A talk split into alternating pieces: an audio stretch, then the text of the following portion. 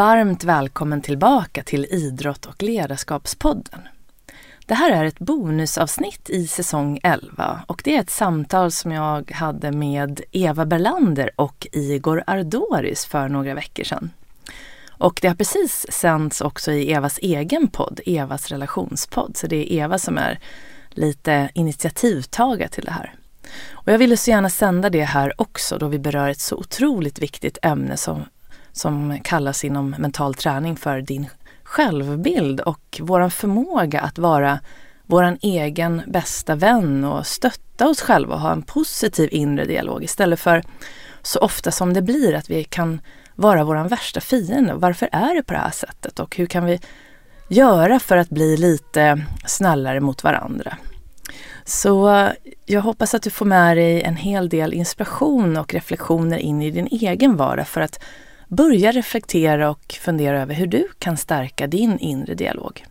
Och på slutet av avsnittet så lämnar jag några tips kring din fortsatta träning för just det här, detta om du, för det här ämnet om du är intresserad. Men nu, luta dig tillbaka, ta några djupa andetag och eh, nu önskar jag dig en trevlig lyssning. Nu kör vi!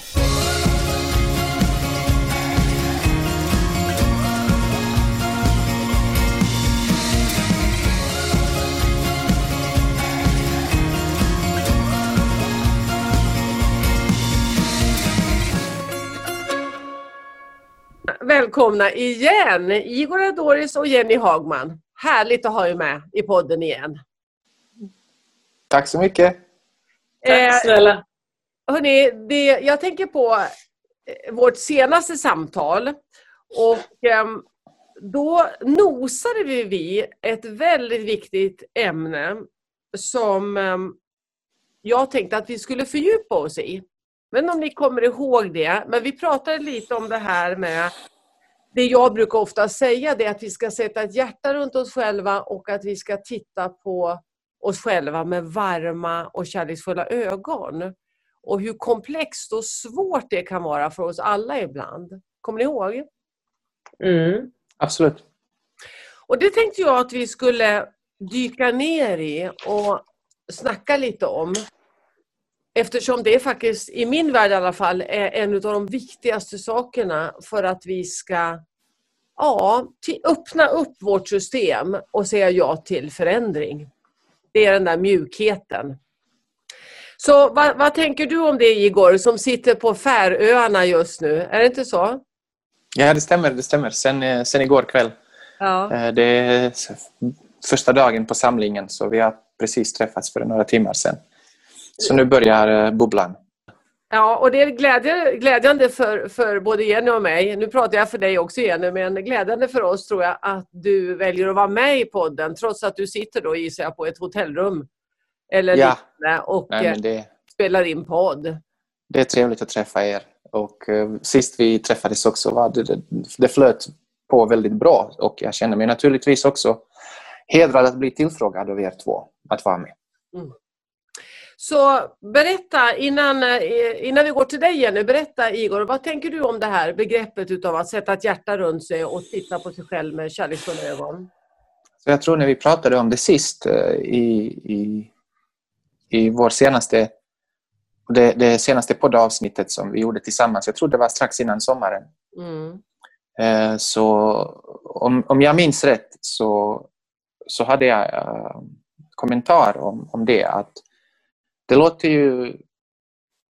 Det, det, är absolut en bra sak men för vissa människor att uh, se på sig själv med varma ögon och sätta ett hjärta runt kan vara en extremt uh, svår utmaning. Mm. Uh, det kan vara riktigt, riktigt jobbigt och tungt och, och, och, provocerande och sorgligt. Många gånger är det enklare än sagt än gjort, om man säger så. Mm. Mm. Ja, det är det verkligen. Ja, vad säger du Jenny? Jag håller med Igor. Att se på sig själv med ställa ögon så tänker jag ju på apropå mental träning och grunderna i mental träning så ingår ju just den här bilden, alltså självbildsträningen som den andra delen kan man väl säga efter avspänningsträningen som vi var inne på förra gången. Och eh, när man jobbar med det så tittar man ju oftast på sig själv också. Att min egen självbild då, det är ju det jag tolka just det här hur jag ser på mig själv, hur min bild av mig själv, hur min inre dialog går, vad jag säger till mig själv. Och på ett sätt så kan jag ju känna att jag kan ju märka att jag har en mer positiv dialog än, vad jag kanske trodde. Att den är mer stärkande sådär i vissa sammanhang. Men väldigt snabbt så kan, kan den då till exempel kopplas till en prestation. Om jag då inte är jättenöjd med en prestation så kan den väldigt lätt då bli ganska negativ. Och det är förvånande att det kan gå väldigt upp och ner ehm, med tanke på i mitt fall att jag upplever att jag har ett väldigt bra liv och jag är så tacksam för väldigt mycket. Och ändå kan den där rösten bli väldigt negativ och då vet jag ju då att många har det mycket sämre och som Igor sa, det är väldigt, väldigt utmanande att behålla den där snälla rösten inåt och vara din bästa kompis som vi vill att alla människor ska vara. Det är så irriterande att vi inte bara kan vara mm. schyssta mot oss själva. Mm. Så jag ser fram emot att prata mer om det här. Det är berörande för mig att höra er båda två. Jag, jag håller verkligen med. Jag tror att det är oerhört svårt för alla oss ibland att prata vänligt med oss själva och att vi ska förstå att kritik är väldigt mänskligt, vare sig vi kritiserar någon annan eller vi kritiserar oss själva. Och vi ska ju också, tycker jag då, stryka oss på kinden lite och vara varma mot oss när vi liksom tittar på det. Att det är svårt för oss att stryka oss på kinden, om ni fattar. Mm. Sen tror jag också att vi ska förstå lite mer om det man inom psykologin skulle kalla för anknytning. Alltså vad, vad, är det vi får de här berättelserna från?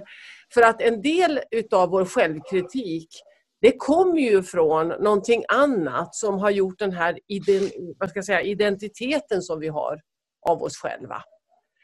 Så det är många saker vi behöver plocka isär här, tänker jag. Både berättelsen som vi har fått med oss och som vi tror på, men också det naturliga utav att kritisera sig själv och det naturliga att kanske, som du gjorde nu, fastna i prestation. Att vi tror att, att för att vi ska få en godis eller belöning på något vis så ska vi ha gjort någonting istället för bara vara.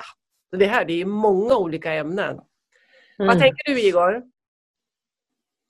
Oj, jag tänker massor om det här.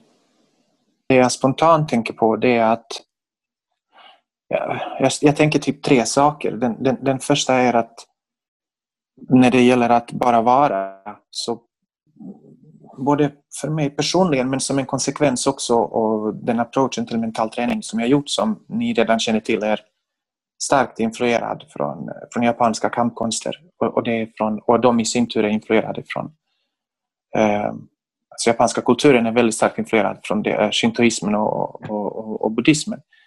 Och där utgår man från att det finns två olika jag. Eh, det ena är det personliga jaget och det jaget är förgängligt och det jaget är, har liksom början och slut och sin personliga historia. Och det jaget är också, man kan, beroende på, vissa säger att den är liksom konsekvens av ens tidigare handlingar, de som, gör, de som tror på nästa liv och tidigare liv och så vidare. Och sen andra som, som också som har en annan syn som säger att det är slumpmässigt, att man råkar födas i en viss familj och eh, beroende på vilka föräldrar man får så får man ju en, ett visst socialt jag beroende på hur man är behandlad, hur många syskon det är, vad, de, vad det är för ekonomisk situation, om det finns psykiska sjukdomar i familjen och hur föräldrarna har fått sin kärlek och vilken historia de har och så vidare. Så det är väldigt mycket som det här lilla jaget styrs väldigt mycket och antingen om man väljer att tolka det som slump eller då av ens karma då tidigare eh, liv. Men oberoende av vilket så är det ingenting som man själv kan styra över. Däremot det som, och det som är framförallt viktigt för det här lilla jaget är att det är förgängligt. Det, det dör. Det dör, när jag dör så dör liksom hela personen Igor. Mm. Och med, med, personliga historia, så det tar slut. Mm. Så den approachen som, som man då fokuserar på, som man väljer att fokusera på i den approachen, det är framförallt det stora jaget, eller man kallar det universella jaget. På mm. japanska lilla jaget kallar man shoga och det stora daiga, dai är stort.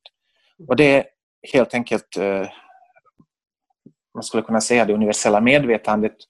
Och för att inte krångla till det med massa begrepp, ett sätt för mig att förklara det är att det, det är det jag är när det är tyst i huvudet. När jag inte har någon historia alls, när jag inte pratar med mig själv, utan när, när jag bara är fokuserad och närvarande i stunden så att, jag, så att det inte finns... När jag är så fokuserad på, på det jag håller på med, även om det är bara att sitta och andas, att det inte finns utrymme för att prata med mig själv. Och det jaget är det som, som, som jag tränar för att komma i kontakt med på daglig basis. Och det är det jaget som jag hellre vill identifiera mig med eftersom det andra är ändå eh, så slumpmässigt och förgängligt eh, som det är. Så att försöka bygga upp ett jag så fort jag skulle råka ut för en trafikolycka eller, eh, eller diskbråck så skulle min kropp förändras. Jag menar bara under corona har jag gått upp 10 kilo. Under corona ett och ett halvt år. Vad har hänt med mitt jag under den tiden? Så saker och ting förändras hela tiden med det här lilla jaget. Och, att det, och för mig har det känts länge uh, att det inte är värt att lägga så mycket fokus på någonting som är så uh, bräckligt och sårbart. Mm. Mm. Vad fint. Och jag blir ju så nyfiken när jag hör dig, för det är ju verkligen existentiella frågor på sätt och vis utav att vad är ett jag och eh, apropå att vara närvarande nu och finnas genom tiden i rörelse. Så jag blir ju oerhört nyfiken och skulle ju vilja ha ett sånt där litet USB-chip och stoppa in i huvudet på dig Igor. Så att jag fick snabbt fick vara med i landskapet utav det du kan och det du vet genom alla dina olika utbildningar och erfarenheter. Mycket nyfiken blir jag. Vad tänker du Jenny, när du hör honom? Jo, men jag tycker det är väldigt spännande för att häromdagen så läste jag en bok som jag läste för första gången för 15 år sedan. Och då tror jag inte att jag var direkt...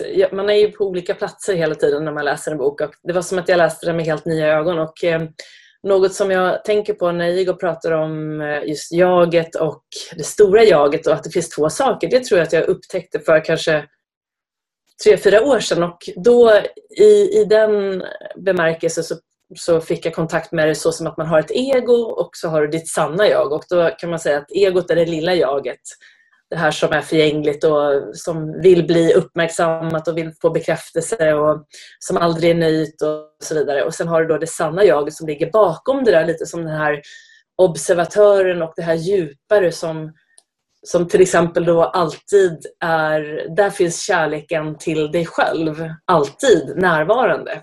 Um, och eh, att kunna då släppa egot är ju då en bild som jag har som jag tror är väldigt hälsosam. Och eh, det sanna jaget då bor också i nuet. Så när du är närvarande fullt och hållet så blir du också väldigt... Där bor ju också så att säga din glädje och din, om man nu vill prestera, även din prestation. För att där har du inte historien om vem du är och vad du har gjort och allting och det finns ingenting om framtiden, vad som händer sen. Det finns inga tankar om resultat.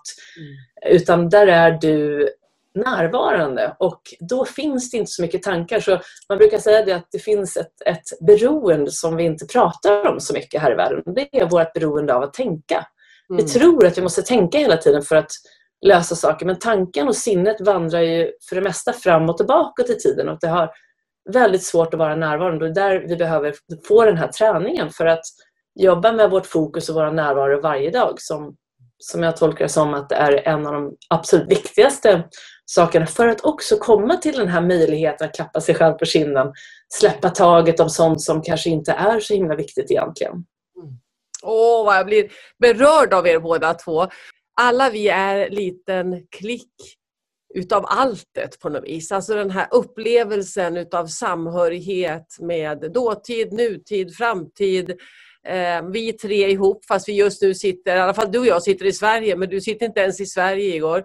Utan eh, den här upplevelsen utav kontakt i rörelse hela tiden. Dels med olika delar utav vårt jag då, men också med andras jag. Eh, som är så berörande.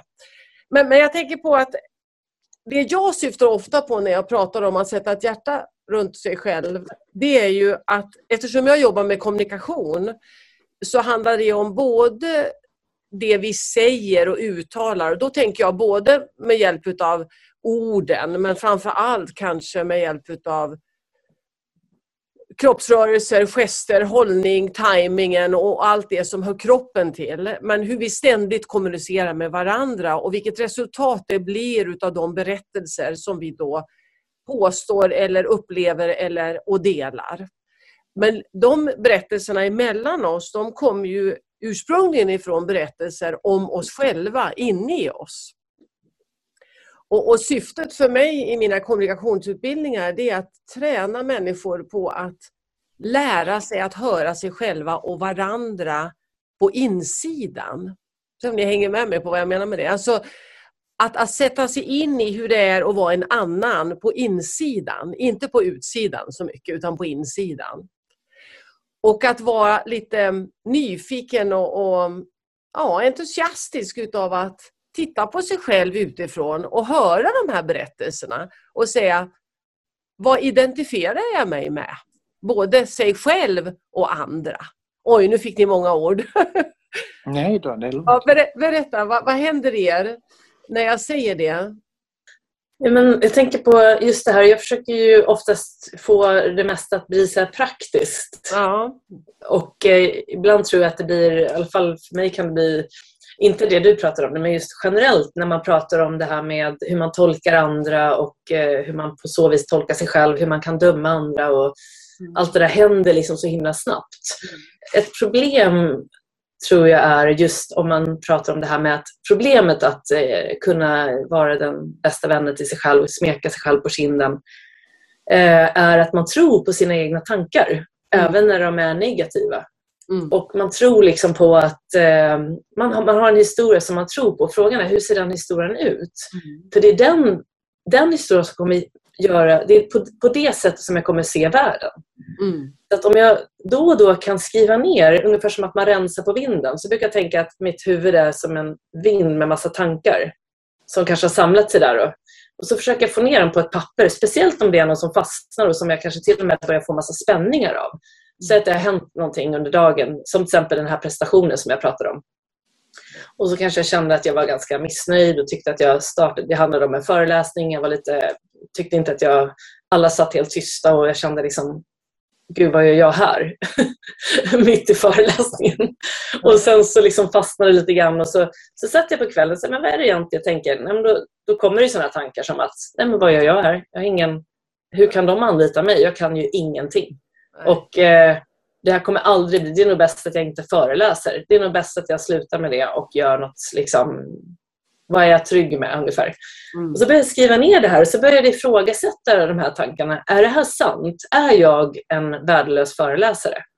Och då kunde jag säga, men just i det, vissa gånger tyckte jag, alltså vissa saker, men det var inte 100% värdelöst.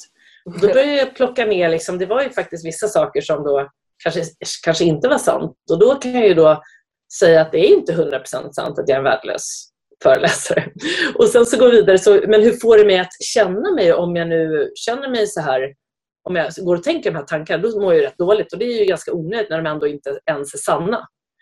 Och så kan jag liksom fortsätta och till slut så var det inte så farligt. Och sen så kan man då försöka ta någon form av lärdom. Okej, okay, men om jag nu fick göra om det här, vad ska jag göra annorlunda nästa gång? Mm. Och, och, det där är ju en, någon form av, en form av träningssak. Och det här ju, finns ju på olika sätt. Att man försöker helt enkelt skriva ner sina tankar, ifrågasätta dem för att på så vis helt enkelt rensa på vinden lite då och då så att det inte lagras så mycket historier som kanske inte ens är sanna. Mm. Åh, vad fin du är Jenny och jag kan identifiera mig med det du säger. Och jag tror att vi alla kan det där vi liksom ibland blir de där verkliga stora kritikerna till oss själva. Berörande, vad säger du Igor? Jag kan bara hålla med. Jag har aldrig klarat av att klappa mig på kinden. Jag skulle kunna göra det pro forma, men det gör mig inget. Alltså rent känslomässigt. Det, det, det, det är ingenting som jag kan liksom känna igen mig i. Och det kan ju ha att göra med ja, massa saker om man ser min uppväxt eller min personliga historia eller vad det för, för mig är det väldigt viktigt med den här dagliga, jag kallar det träningen. Jag, jag kommer alltid tillbaka till ordet träning. Där, där, jag, där jag tränar på att, för att vila i någon sorts stillhet samtidigt som de här, den här typen av tankar mm. eh, hela tiden rusar genom mitt huvud. Och jag kan inte liksom, jag har lärt mig att jag inte om jag försöker stoppa dem så ger jag dem bara mer uppmärksamhet och ju mer uppmärksamhet jag ger dem desto större ser de ut att vara. Mm. Så eh, hela träningen för mig går ut på att eh, förankra sig i ett tillstånd av eh, och inre, och inre vila och, och, och, och tystnad så att jag kan observera, lägga märke till de här tankarna. Men den här då metaforiska klappen på kinden sker varje gång jag låter bli att reagera på dem. Mm. Utan eh, jag sitter med dem och de kommer och de går. Det enda som är grejen är att jag försöker inte slå bort dem och jag bjuder inte dem på te heller. Utan de får komma och gå som de vill.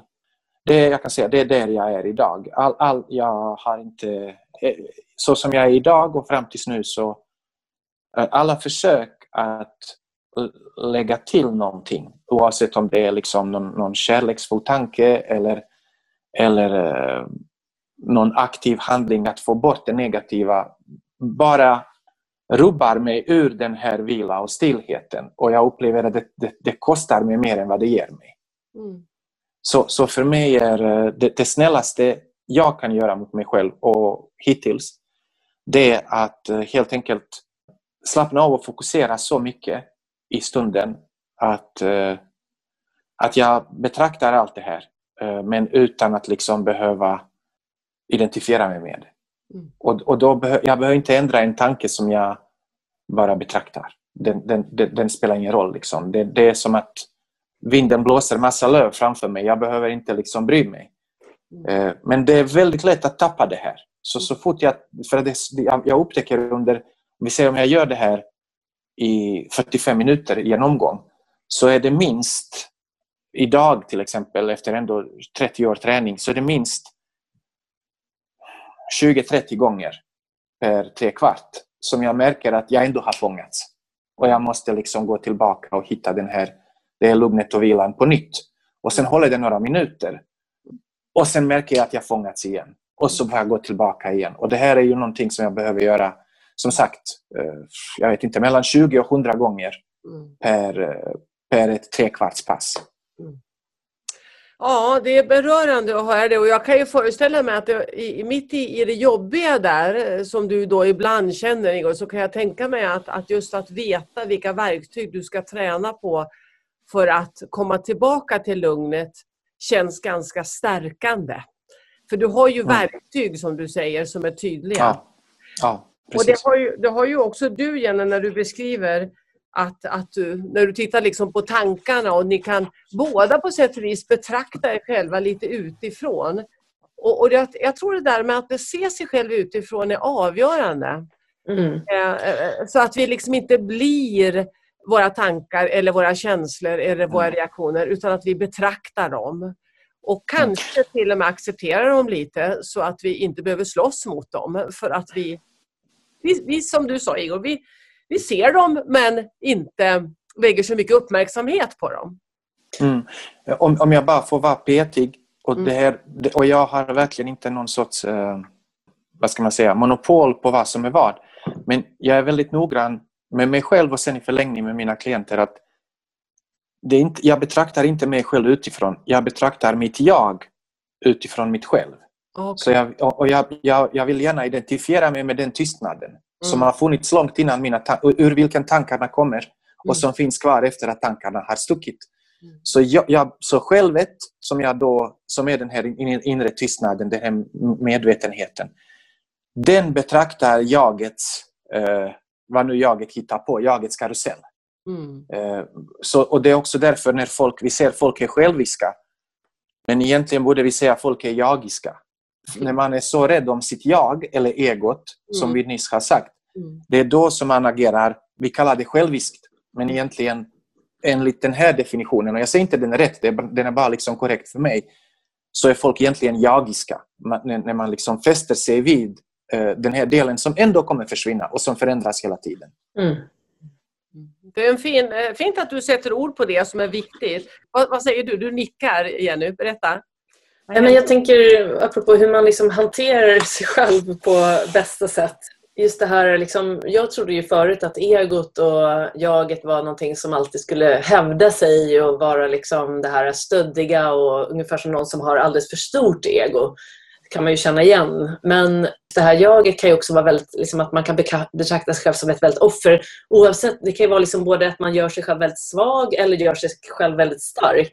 Så oavsett så är det ju till slut inte så hälsosamt för sitt välmående. Men Mm. Om man tänker då, om vi skulle ponera att det är tankarna eller känslorna då som på något sätt liksom sätter igång det här känslo och tankehjulet och när det då blir negativt så börjar man må ganska dåligt och då blir man ännu mer fokuserad på det här yttre jaget eller det här egot. Då, då kan ett sätt som jag brukar eh, känna att kan göra att man kan släppa taget om det här och komma lite mer i kontakt med det här inre då som som man kan säga som inte har så mycket tankar och som bara är, det är genom rörelse. Så till exempel att göra då där kan man ha yoga, jag vet eh, Igor har ju karaten och det finns ju bara sticka ut och springa. När man, när man gör saker med kroppen mm. så är det som att man rensar bort också väldigt mycket av de här onödiga tankarna. För att om man tänker att en negativ tanke kan också skapa mycket spänningar i kroppen. Säg att jag sitter ner mm. nu, som jag gör. Och så börjar jag fundera över, ah, den där presentationen gick så dåligt och gud vad dålig jag och nu ska jag ha en till presentation. Hur ska det gå? Och, eh, och så kan jag sitta och liksom på något sätt skapa massa spänning i kroppen. Om jag då inte gör någonting åt de här, då skapas det en massa stresshormoner mm. som då gör det ännu svårare att, så att säga, släppa taget och fokusera på andra människor eller liksom eh, göra, sätta fokus på sånt som jag kan påverka och så vidare. Mm. Så att, att röra på sig och liksom använda kroppen på olika sätt. Det kan vara lugna yogaformer, det kan vara att man liksom blir väldigt svettig eller jag brukar göra en gång per år så jag 108 solhälsningar. Det kan man ju göra om man känner att det är roligt. Men det är en sån här utmaning som är sjukt jobbig men efter en sån då är man liksom, mår man fantastiskt bra. Så att vi har ju så otroligt mycket tillgång till det vi behöver inom oss och från det lilla rörelsen till det stora. Mm. Ja, det, det, är väldigt härligt att höra er båda två. För jag tänker att det finns verkligen många vägar som bär till, till Rom, om man tar den metaforen. För mig så tittar jag genom linsen hela tiden utav hur vår hjärna funkar med vårt medvetande kopplat till våra relationer. Och då kan jag säga att vi är ju våra relationer och att det är mötet med varandra som vi formar våra nervsystem kan man säga. Och speciellt när vi är väldigt små förstås så formas Eh, de här spåren som vi skulle kunna kalla för eh, bilder utav oss själva eller sanningar om oss själva och sanningar om omgivningen. Och det kan ju vara allt ifrån de här tolkningarna utav att eh, varm choklad och boy är gott eller O'boy är inte gott. Eller, förstår ni? Alla de här sanningarna som vi då har inom oss och som vi växer upp med. Och en del utav det här är ju någonting som vi får med oss i vår ursprungsfamilj och kanske med lärare, bästa kompisens föräldrar, kompisar och alla de som står oss nära. Sen har vi ju eh, vår kultur, vilket land växer vi upp i? Vad har man för normer här, värderingar? Alltså det finns så otroligt många lager på hur den här arkitekturen som jag säger i vår egen, i vår egen hjärna eller vårt nervsystem formas. Men allt det där skapar en bild utav någonting som vi kallar för ett jag. Och då pratar jag om en del av jaget, inte det du pratade om Igor innan, för det tycker jag var så berörande, för det är ju en annan existentiell utav att vi är sammankopplade. Eller annan, de kanske hör ihop förresten, men, men alla, om vi nu ska definiera det här. Och, och då blir jag lite sådär triggad när vi pratar mycket om tankar, för att det kommer ju ofta ut i form av tankar och kanske negativa tankar då. Men de här tankarna bottnar ju i känslor som sen innan dess har bottnat i kroppsrörelser, i sensationer. Och, och de här, och vi pratar väldigt sällan om vad vår kropp hela tiden får signaler om. Eh, och det, där tror jag vi ska rikta vår fokus lite och förstå att vi kommunicerar med oss själva och med varandra hela tiden genom mikrorörelser rörelser som har en enorm betydelse för de berättelserna som vi berättar för varandra och oss själva. Det är precis det här jag menar när jag säger att uh, mitt sätt att under citationstecken klappa mig på kinden är att sätta mig ner och uh, verkligen försätta mig i ett tillstånd av fysiskt och mentalt lugn. Mm. För att det är det lugnet som då uh, som träningen går ut på.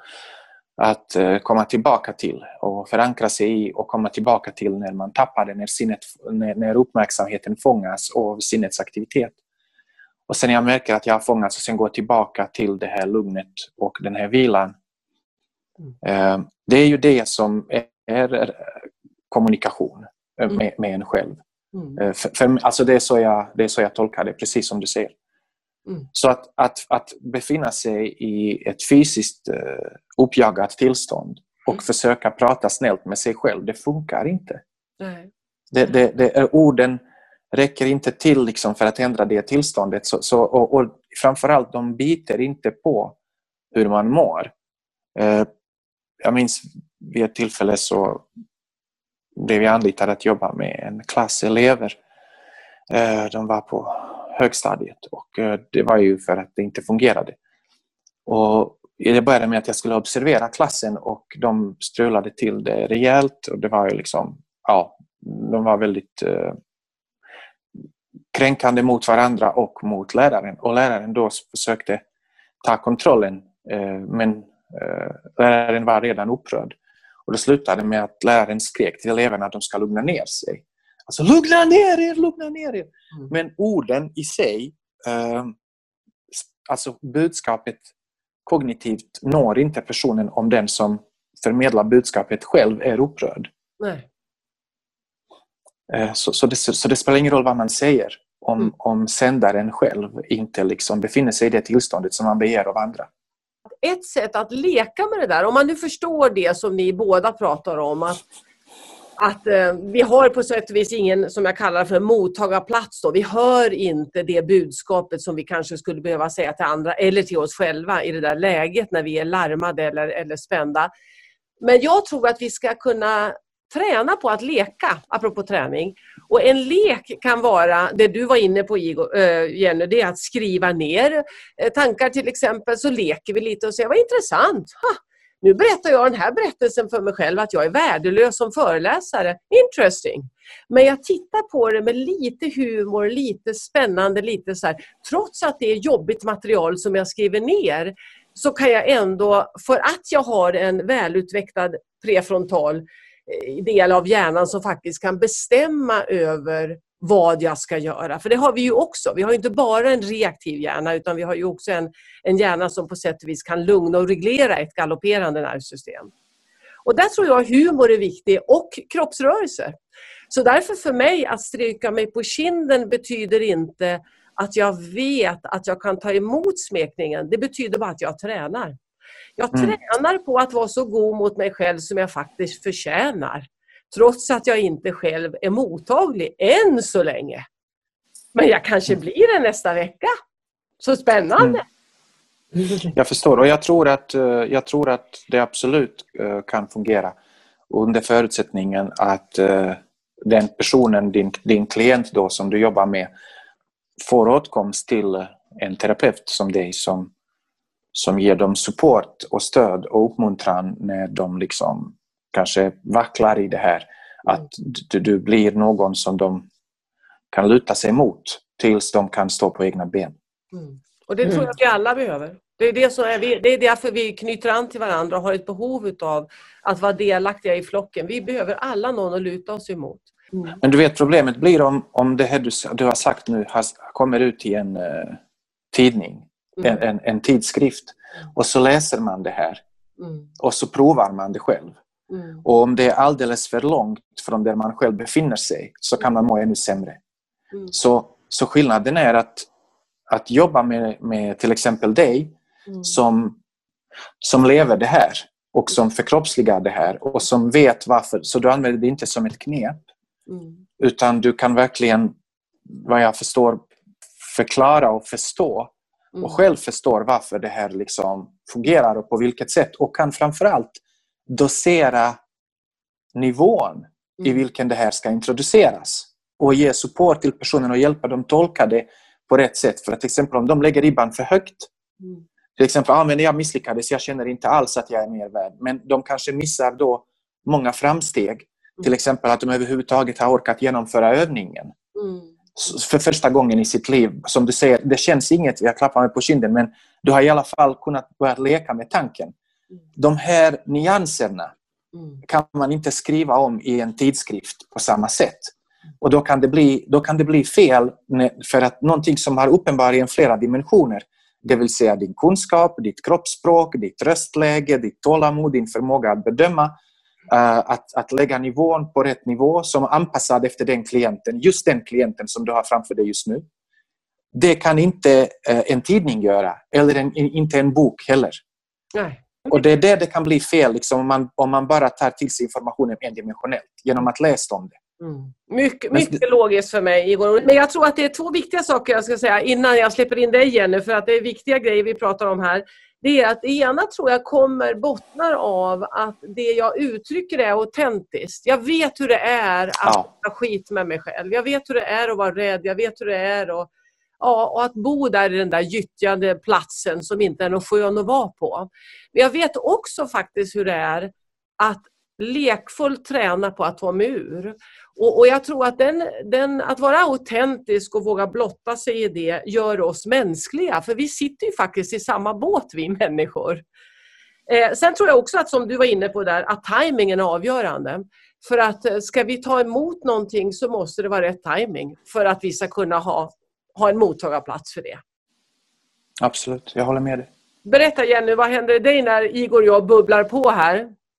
Jag sitter och tänker på, det finns en bok som jag läste också för länge sedan som jag läste om igen. Det är, den heter The Road Less Travel eller Den smala vägen av Scott Peck. Och den börjar med ett så himla eh, spännande liksom, ord och det är livet är svårt, punkt. Och först när man läser det så tänker man så här, det där låter inte så lovande, den här boken. Men han fortsätter ju sen att skriva det att när du förstår att livet inte är här för att göra dig lycklig liksom hela tiden, utan livet är bara som det är. Då, när man accepterar det, då blir det inte lika liksom, jobbigt när det händer problem på vägen. För det kommer det alltid göra. Vi är ju här för att utvecklas. Evolutionen har ju hållit på i liksom tusentals år och håller fortfarande på. Så tanken är ju inte att vi ska bara, nu blir vi lyckliga och nu är, klar, är det klart. Utan det här är en resa som håller på just nu, i vi som lever här på jorden just nu. Håller vi på i vår egen lilla utveckling men också så finns den här stora utvecklingen för alla människor. Och eh, att det kommer komma problem och om vi kan se problem som uppgifter som ska lösas samtidigt som vi också har en stor acceptans till att liksom, nu mår jag lite sämre idag, det gör ingenting. Jag kan faktiskt till och med till slut kanske känna ett visst lugn i den här så att säga jobbiga känslan för att jag vet att this too shall pass. Det här kommer också gå över någon gång. Mm. Och sen, så att man liksom utan förväntningar på att livet ska göra mig lycklig och nu är jag inte lycklig och alla andra är så lyckliga och jag ska må bra. Utan att vi bara släpper det. Och så ser vi hur, hur, den, hur det är just nu och sen kan vi fortsätta jobba med det vi behöver, det som dyker upp. Mm. Men vi behöver inte liksom den där strävan av att hela tiden vilja vara lycklig och framåt och den tror jag är otroligt stressande Mm. och Apropå jättedålig för vår självbild. Ja, apropå det som står i många andra böcker då och också det du var inne på Igor, att, att det kan komma ut på, i en text som inte alls har de här dimensionerna som, som landar fel helt enkelt. En sak som jag tror är hindret eh, Alltså A tror jag att vi ska, sme- säger jag igen, måste det smeka oss på kinden säger jag. Men vi behöver titta på det här med värme och förstå att det här är mänskligt, att, att vara kritisk och att ha svårt att ta emot ibland. Det är det ena. Det andra tänker jag att eh, vi ska ändå förstå att om vi inte, får se vad ni säger nu, om vi inte kan ta emot kärlek, då blir det väldigt svårt för andra att komma oss nära och det blir väldigt tungt för andra eftersom kärlek på sätt och vis och omtanke och vänlighet och uppskattning och alla de här goda sakerna behöver ha en mottagare. Förstår ni? Jag brukar, jag brukar skoja ibland och säga att, att om jag säger så här, nej men jag, jag är skitdålig, jag är värdelös på det här, kanske någon säger, precis som du var inne på en föreläsning. Och så säger partnern eller den andra, nej hur kan du säga att du är värdelös? Jag tycker du är jättefin i det här. Jag tyckte du gjorde det fantastiskt fint. Och så säger den första då att, ah, men det har du fel i. Då, då kan man ju säga att ja visst, vi tror på två olika saker här, men att stänga ner den där förmågan till att öppna och säga, aha, så du tycker jag var jättebra i det här. Berätta mer. För det är ju du som tycker det. Jag behöver ju inte hålla med dig, men jag behöver ta in det. Förstår ni vad jag menar nu? Ja, det tror jag. Annars tänker jag att vi blir lite snåla mot vår omgivning. Om vi Mm. inte faktiskt tar emot de där symboliska röda rosorna som vi kanske får genom en uppskattning eller Mm. kärlekshandling. Så viktigt. Och när man har en eh, väldigt pågående inre negativ liksom, bild av sig själv och den här inre dialogen så kommer det någon och säger att du är bra och liksom sådär. Den enda som... Alltså, om man inte tror på det så spelar det ingen roll. Apropå det här, det är så många som man söker kanske bekräftelse men den viktigaste personen att egentligen bekräfta det är ju du själv då. Och det är det som är själva träningen sen, att kunna lyckas göra det. Så att eh, det, just det du säger, jag, jag tänker på just det här att det är så svårt att ta emot bekräftelse från andra om du själv inte liksom kan ge det till dig själv. Mm. Jag brukar ju på lek säga så här, ge mig en färg på positivt. Och så säger många rött. Och så säger jag, ge mig en färg på negativt. Och så säger de svart. Och så säger jag, vi leker nu att en partner eller en vän kommer med någon positivt. De kommer med någon röd information. Men på vägen så hinner jag göra om den till svart. Det vill säga, jag hör kritik fast egentligen sa min partner beröm eller någonting. Just det. Mm. Och, och det är klart att där skulle vi kunna med lite humor jag, jag tror humor är jätteviktigt för oss alla. Eh, för att liksom lirka lite med den här träningen. Men, men då skulle man ju kunna säga till sin vän då att vänta lite, jag är lite upptagen av mig själv och min självkritik nu så jag kan inte ta emot vad du säger. Mm. Och, och då är man på sätt och vis ärlig för då säger man jag har ingen mottagarplats. Så att om du ska ösa kärlek på mig så är det waste of time. Det blir lite, man behöver inte göra den andra medberoende utan man kan säga gör du det någon, ge det till barnen eller till någon annan för jag är inte available just nu. Och det är ärligt tycker jag för att vi måste träna på då att uppskatta och ta emot. Det är Mm. det som kallas för kärleksfulla relationer. Ja, att det blir en acceptans till att nej, jag kan inte ta emot det där just nu. Så, och då när man säger det högt så blir det ju lättare också att på något sätt kanske upp, uppfatta det själv. Ja, till och med fnissa åt det lite och säga vad intressant att jag är så självkritisk. Undrar hur länge jag ska berätta den här romanen eller deckaren för mig själv som skrämmer slag på mig att jag är värdelös och kass och inte kan. Och istället kanske säga vad intressant, undrar var den här romanen kommer ifrån. Hur har jag fått den smittad? Kanske genom generationer, generationer, kanske i min kultur, kanske på miljoner olika sätt. Men att ändå då titta på det med lite humor så att vi igen kan träna på att säga att okej, om jag nu skulle ta in vad du tänker om mig och sen vågar jag ta emot det, jag behöver inte hålla med, men jag tar emot det för jag vill njuta utav att du ser det här röda i mig. Det är bra kommunikation.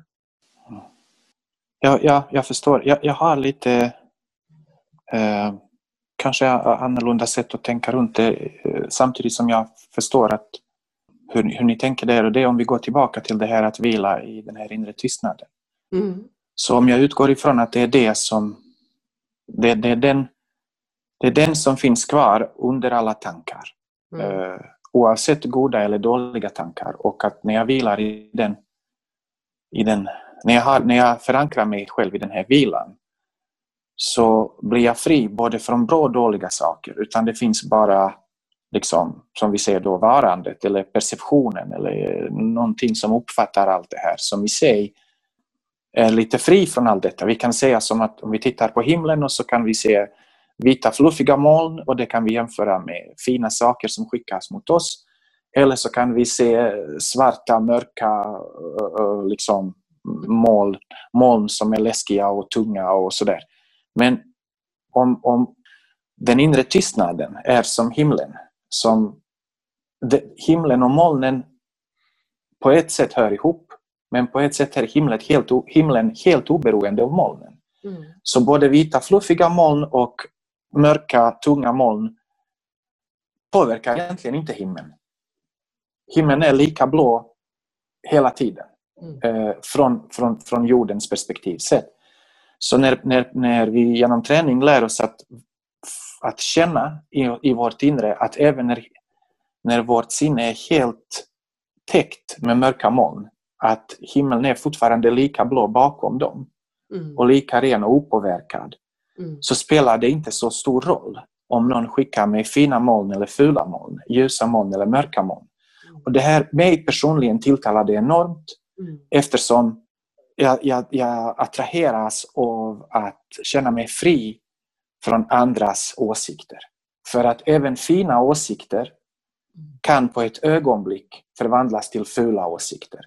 Mhm. Ungefär som vädret kan vända. Och, och den finaste komplimangen kan på ett ögonblick omvandlas till den, den elakaste liksom, eh, kränkande kommentar. Mm. Och det som ger mig trygghet är att eh, alltså det är någon sorts vuxenintegritet som, som, som jag dras till i känslan att okej, någon tycker det här om mig, någon tycker det här om mig. Jag tycker det här om mig ibland och jag tycker det här om mig ibland. Ibland är det ljust, ibland är det mörkt, ibland är det fluffigt, ibland är det eh, liksom eh, tungt och, och, och, och mörkt. Men allt det där kan jag betrakta och jag behöver inte be- identifiera mig med något av detta. Varken beröm eller kritik. Eh, varken snälla eller elaka ord. För tyvärr har jag erfarenhet att många gånger, många gånger kan människor använda snälla ord i syfte att manipulera. Mm. Ja, och då blir det väldigt logiskt för mig med tanke på din erfarenhet att det här att vila i din inre tystnad Ja, är- blir väldigt tryggt för dig. Att det blir liksom en plats som är ja, lugn och trygg. Som den ger mig en grund att stå på. Ja, jag fattar Mm. verkligen det. Det är begripligt för mig. Jag brukar leka, Igor och, och Jenny, med att säga att vi, ibland behöver vi ta på oss en regnkappa. jag och mina metaforer. Ja, För men det är att, fint. ja, Mm. för att när vi har på oss en regnkappa, då kan vi också gå i stormigt väder och se de där svarta molnen eller vita eh, fluffiga molnen. Och vi är ändå skyddade på sätt och vis. Så i min värld så blir det en slags för att det är precis som du var inne på, att vi kan aldrig veta vad som kommer från andra. Men vad Nej, vi kan, precis. det är att vi kan skydda oss mot från kommer från andra på det sättet att vi vet att det säger mer om de andra än vad det säger om oss själva. Vi kan alltså låta bli att ta det så personligt. Och det är klart att ju tryggare vi är och ju mer en lugn, trygg plats som vi har att gå till, desto lättare blir det att hålla isär vad som är ett jag och vad som är ett du. Mm. Och, och sen kan det ju finnas många olika sätt att göra det på, precis som du då gör med din träning. Hur, hur gör du det, eh, Jenny? Hur vilar du i din innersta, precis som eh, Igor är inne på? Har du också ett Ja, sätt? men precis, den här inre, liksom, på något sätt inre trygghet. Jag brukar ofta känna att jag landar i kroppen. Ibland om jag står upp, och apropå för att gå tillbaka till om det är någon, någon gång man är på en föreläsning och känner att det kommer nervositet, och då brukar jag vila i kontakten som fötterna har med marken, som att jag Mm. är ett med jorden. Så att jag känner en väldigt tillhörighet till jorden och, och känner mig liksom jordad och försöker påminna mig om, om det. Då. då blir jag väldigt lugn. Eh, och sen så brukar jag oftast eh, numera varje dag meditera på kvällen innan jag somnar för att liksom landa i mig själv. Och då gör jag några medicinska yogaövningar för att släppa på spänningar. Axlar, där de ofta samlas i nacke. Och sen så brukar jag sitta och göra någon form av andningsövning för de brukar hjälpa mig då att eh, liksom släppa. Det är ett sätt för mig, det är, som, det är då jag liksom, kan man säga rensar på vinden. Och ibland har jag då ett anteckningsblock med mig där jag då kanske skriver ner vissa saker som, som jag upplever har fastnat. Eh, bara, och jag gör inte så mycket mer utan bara få ner dem, titta på dem och sen så liksom får de vara där. Det är lite som att föra en dagbok. Mm. Det, det är som att rensa bort så att det här sinnet, jag, det som Igor sa med himlen och molnen, så jag tolkar det som att, du, att himlen är liksom som att det är sinnet och molnen är då tankar. Mm, precis, alltså och, och medvetenheten. Det är Och, sinnet. eh, ja, precis. och, ja, precis. Och sen Mm. det som medvetenhet uppfattar, det som pågår som kan fånga min uppmärksamhet, både det, innanför och precis. utanför. ja. Det, det är det som kan vara molnen. Och visst, ibland är det trevliga saker, ibland är det neutrala, ibland är det otrevliga saker. Det ni är inne på båda två, det är ju att hitta olika sätt att träna på att skapa den där trygga platsen på sätt och vis, där vi vet att vi kan slappna av. Och, och där tror jag att just det här att, att veta att det kan det var individuellt hur man gör det. Den första gången jag fick vara med om en trygg plats, det var ju när jag gjorde ut, mentaltränarutbildningen då för 30 år sedan nu. Herregud att jag har blivit så gammal hörni. Erfaren, alla- erfaren. Ja, men i alla fall så gjorde jag det. Och det var första gången i mitt mentala rum som jag fick smak på hur det var att känna mig trygg. Och jag vet att jag har pratat med Lars-Erik om det här efteråt och, och liksom, vi, vi tittade på det här lite spännande på hur, hur i min värld då, som tittar hela tiden på hur neuronerna fyrar av så kändes det som att plötsligt så fick jag en erfarenhet, ett kvarter i mitt system som sa det finns en plats som är trygg. Men tidigare på grund av allt möjligt som jag har varit med om så visste jag inte riktigt vad trygg var. Jag visste vad rädd var. Så, så därför så tittade jag genom linsen utav försvar eller rädsla. Men plötsligt så var det en ny, ja, det är en magisk känsla utav att jag kunde skydda mig själv, jag kunde, jag kunde vara lugn, jag kunde andas, slappna av. Och sen har det varit en träningssak genom åren att förstärka det där kvarteret så att det blir större och större och enklare och eh, ja, självklart att då kunna gå ifrån kvarteret av rädsla till kvarteret av trygg. Och sen finns det många sätt att göra det på. Allt ifrån som du är inne på meditation eller jag tror ju på humor och fysiska lekgrejer då. Eh, ja. Mm. Fantastiskt! Mm. Och, och det, det, vet inte jag, det finns ju de som har gjort mental träning efteråt, uh, klienter som jag har haft och som har sagt att ja, jag gjorde den mentala träning och inte fan fick jag någon trygg plats. och, och, där vet jag ju inte, liksom, jag vet ju inte, jag tror att, att det mentala rummet som det var då passade mig som handen i handsken. Det var liksom, det var tajmingen var rätt, Lars-Eriks röst var rätt, förstår ni? Allting var rätt tid för mig att smaka på ordet trygg och känslan av trygg. Jag tror inte du är ensam. Jag tror att det där är just som, som du är inne på, det här mentala rummet är ju en fantastisk möjlighet att hitta den inre tryggheten. Om man inte har provat det så kan jag verkligen rekommendera det. Sen är det ju man kanske har provat att vara på fel plats men då är det bara förhoppningsvis får man kontakt med igen och då kanske man är mer mottaglig. Mm. För att det finns ju en fantastisk möjlighet just att eh, hjälpa hjärnan till det här lugna tillståndet genom sitt mentala rum, det här alternativa medvetandetillståndet. Så att att, att testa det och som sagt, det, finns ju, det kan ju vara svårt första gången, men att prova igen. Mm. Eh, om man lyssnar på det här så kan man ju också vända sig till dig Jenny och få stöd i det och hjälp med det, men också till dig Igor, eller hur? Mm. Absolut, min erfarenhet är lite uh, så som du beskriver det när det gäller dina klienter. Jag har haft väldigt svårt med mentala rummet. Jag har aldrig kunnat uh, föreställa mig en fysisk plats som Nej. min hjärna inte kände Mm. kan, kan bli fördärvad eller liksom eh, infekterad eller förstörd. Mm.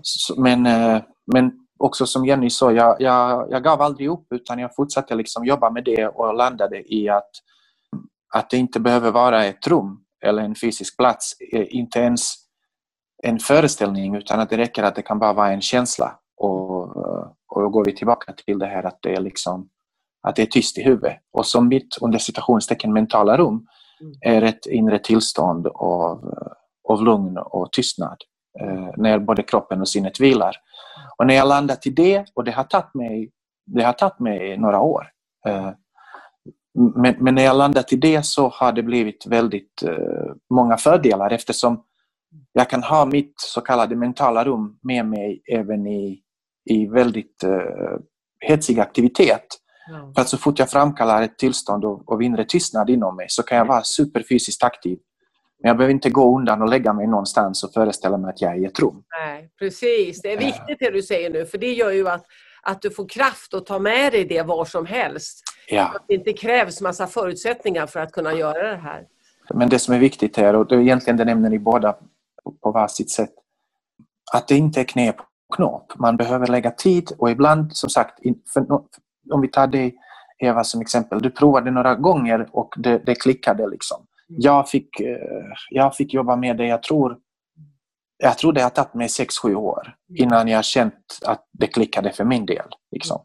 Som avslutning så vill jag säga att, att jag tänker att det vi kommer tillbaka till eh, det är ju att allting på sätt och vis handlar om fokuserad uppmärksamhet. Det är ju lite vad väljer vi att fokusera på? För att det vi fokuserar på blir ju större. Eller hur? Mm. Mm. Absolut. Men något som, har, har, eh, som påverkade väldigt mycket. Och det var just det här att ibland så, det här med självbilden, det här med att kunna klappa sig själv på kinden och förmågan att ge sig själv kärlek och så vidare. Det, det, kan ju också handla om att man riktar, man vill att andra ska ge till sig. Man vill ha den här uppmärksamheten och tänk om inte de tycker om mig och älskar inte han mig eller hon mig och de där frågorna. Om, man vill gärna eh, liksom att andra, man vill gärna påverka andra men om man kan släppa det, för det kan man ändå kanske inte påverka, men om man kan rikta fokus, apropå fokus då, till att kunna ge kärlek själv. Alltså jag kan ju välja, om jag, ju bättre jag mår så att säga, ju bättre jag, ju mer jag jobbar med mig själv som också har varit mental träning och så vidare, desto bättre kan jag ju ge kärlek till andra. Sen kan inte jag bestämma om de ska ge det tillbaka. Men det är någonting som är någonting som jag på något sätt kan ha lite sådär kontroll över om det nu är det man söker. Att du kan ge kärlek. Sen oavsett om de ger det tillbaka så kommer du må väldigt bra om du utgår från en sån plats. Absolut. Och då, men där tänker jag igen att om vi tittar på mänskligheten i oss kan vi säga att alla vi behöver bekräftelse. Vi är wired for connection. Så, så jag brukar skoja om att jämföra med ett litet i. Ni vet ett litet i, det är en liten stapel och så är det en prick på. Och jag brukar säga att vi behöver vara pricken i varandras liv. Stapeln behöver vi ansvara för själva. Men pricken, den behöver vi vara generösa med, för det är så man skapar bra relationer, vare sig det är på arbetet eller hemma. Eller till sig själv för den delen. Jag tror att det är viktigt att träna på att lära sig att ta emot. Oavsett vad som kommer, att man har den där regnkappan på sig så att man kan ta emot. För det är ganska smärtsamt tror jag för andra att vara nära någon som inte har en mottagarplats om vi bara knyter ihop säcken så ja. utifrån vad, jag sagt, vad vi sagt hittills. Mitt, mitt mentala rum är liksom ett tillstånd av inre vila. Mm. Och när jag befinner mig i det tillståndet, mm. uh, vilket, jag, vilket jag gör mer och mer i min vardag. Ju, ju, ju mer jag tränar med det, desto mer blir det naturligt. Alltså desto mer hemma är jag där. Mm. Uh, och desto längre tid spenderar jag där och desto oftare hittar jag tillbaka dit. Då händer två saker. För det första är att den här inre, det här inre lugnet, den, jag, jag, tänker inte på att jag aktivt behöver ge någonting till någon, utan det inre lugnet, det som är inom mig, det naturligt eh, strömmar utåt. Så, så jag automatiskt delar med mig av det jag är i stunden. Så om jag själv vilar i, i en inre trygghet och ett inre lugn, så, så det, jag kan inte låta bli och dela med mig av det i min kontakt med andra. Också om andra ger mig eh, fina saker, beröm eller positiva liksom, kommentarer och så vidare. Det här inre lugnet kan liksom svälja både det fina och det fula. Jag behöver inte trycka ifrån, jag behöver inte fly. För det är som ett hav. Liksom, om, om en person pissar i havet eller 500 personer pissar i havet. Havet blir inte mycket smutsigare för det. Nej, nej, eh, nej. Och om de kastar blommor i havet eller inte kastar blommor i havet. Havet tar emot både blommor och piss mm. utan problem. Eh, så, så just, just, ju mer förankrad jag är i mitt lugn mm. så naturligt delar jag med mig av det och jag har inga problem att härbegära både det trevliga och det otrevliga. Mm. Vissa dagar går det bättre, vissa dagar går det sämre. Ja, och jag, jag, jag, tror att de som lyssnar kommer kunna identifiera sig med alla oss tre. Och jag, jag, tycker det är det som är så underbart, att när vi har de här poddsamtalen, det är just det här att, att locka dig som lyssnar att tänka, undrar om det här stämmer för mig. Och, och, och liksom, för att vi, är, vi sitter i samma båt och vi påminner väldigt mycket om varandra och samtidigt är vi ju original. Vi har vår egen DNA-uppsättning och vår egen historia på olika sätt. Hörrni, med det sagt så tack finaste ni för er närvaro och er fokuserade uppmärksamhet från den plats ni befinner er på till det här poddavsnittet.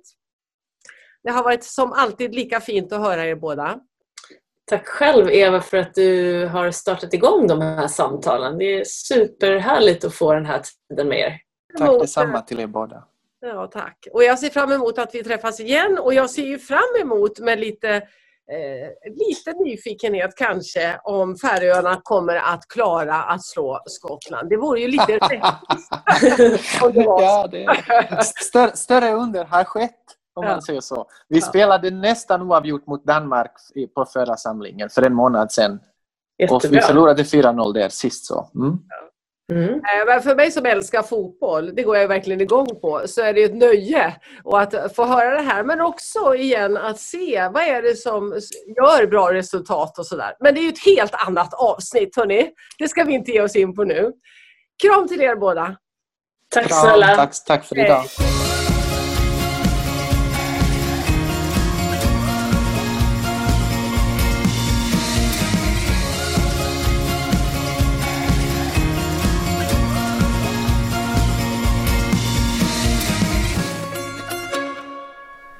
Då har du fått lyssna till mitt samtal med Igor Ardoris och Eva Berlander.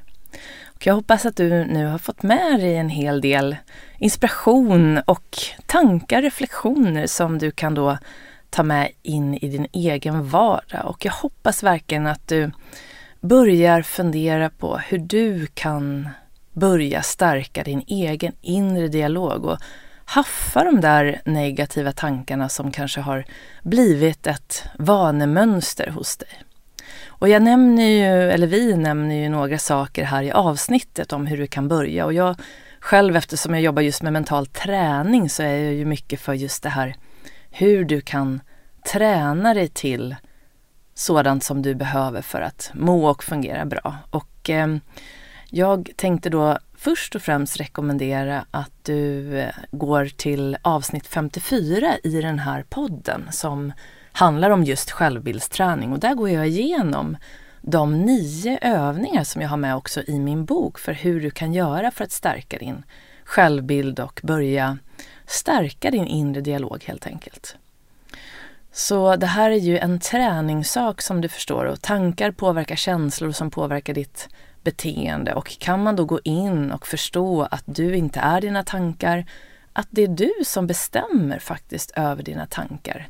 Du som, så länge vi är psykiskt friska, som, som de flesta av oss är, så kan vi helt enkelt styra våra egna tankar och acceptera dem för att sedan kunna hantera dem. Oavsett om de är negativa eller positiva och haffa de där negativa så att de inte fastnar för länge. Så gå gärna tillbaka till det avsnittet. Och sen berör ju både jag och Igor några djupare saker i, den här, eh, i det här avsnittet. Framförallt Igor då, som är väldigt nära buddhismen och eh, även eh, med sin kampsportbakgrund och sådär. Och då om du blir nyfiken på det vi pratar om just med sinnet och vad är egot och sådär så tycker jag att buddhistmunken Yang de tar upp det här på ett väldigt fint och faktiskt ganska enkelt och tydligt sätt. Och honom kan du lyssna på då i avsnitt 67 och 68 här i podden.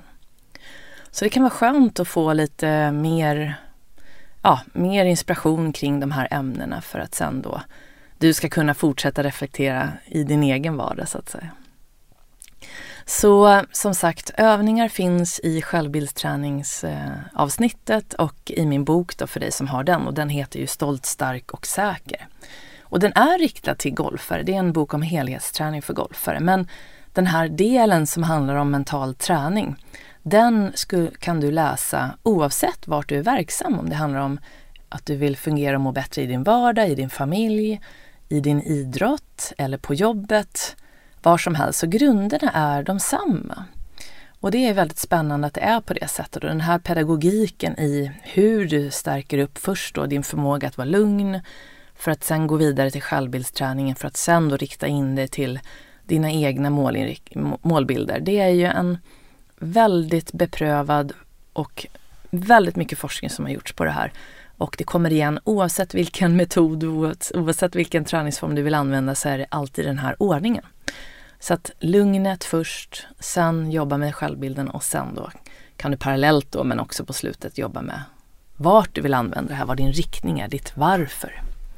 Så jag hoppas att det här kommer att eh, hjälpa dig må och fungera ännu lite bättre i din vardag och eh, vill du veta mer om vad som händer hos mig så går du in på www.jennyhagman.com.